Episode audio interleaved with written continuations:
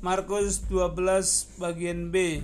Hukum yang terutama. Lalu salah seorang ahli Taurat yang mendengar Yesus dan orang-orang Saduki bersoal jawab dan melihat bahwa Yesus memberi jawab yang tepat kepada mereka datang kepadanya dan bertanya Perintah manakah yang paling utama? Jawab Yesus Perintah yang terutama ialah Dengarlah hai orang Israel Tuhanlah Allah kita Tuhan itu Esa. Kasihilah Tuhan Allahmu dengan segenap hatimu dan dengan segenap jiwamu dan dengan segenap akal budimu dan dengan segenap kekuatanmu. Perintah yang kedua ialah kasihilah sesama manusia seperti dirimu sendiri.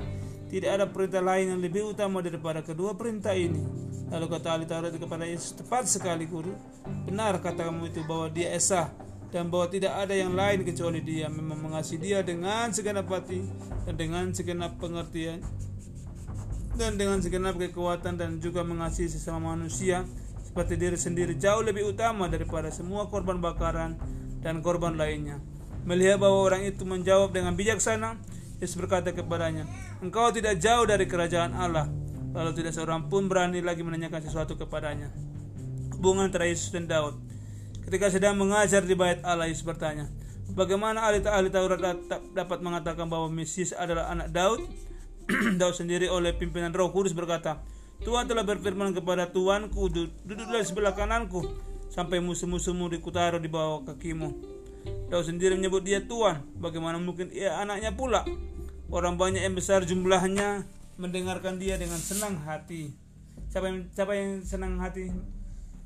Orang siapa, siapa yang siapa yang dengar? Siapa yang didengarkan yang senang hatinya? Orang banyak. Siapa yang didengarkan? Tuhan Yesus. Hmm, Yesus menasihati, menasihatkan supaya hati-hati terhadap ahli-ahli Taurat. Dalam pengajarannya Yesus berkata, hati-hatilah terhadap ahli-ahli Taurat yang suka berjalan-jalan memakai jubah panjang dan suka diberi hormat di pasar. Yang suka duduk di tempat terdepan di rumah ibadat dan di tempat terhormat dalam perjamuan. Ia menelan rumah janda-janda dan mengelabui mata orang dengan doa yang panjang-panjang. Mereka akan menerima hukuman yang lebih berat persembahan seorang janda miskin. Pada satu kali duduk menghadapi peti persembahan dan memperhatikan bagaimana orang banyak memasukkan uang ke dalam peti itu. Banyak yang kaya memasukkan jumlah yang besar. Lalu telah seorang janda yang miskin ia masukkan dua uang tembaga itu, uang receh terkecil. Yesus memanggil murid-muridnya berkata kepada mereka, Sesungguhnya aku berkata kepadamu, janda miskin ini memberi lebih banyak daripada semua orang memasukkan uang ke dalam peti persembahan. Sebab mereka semua memberi dari kelimpahannya, tapi janda ini memberi dari kekurangannya. Semua ini milikinya itu seluruh nafkahnya. Amin.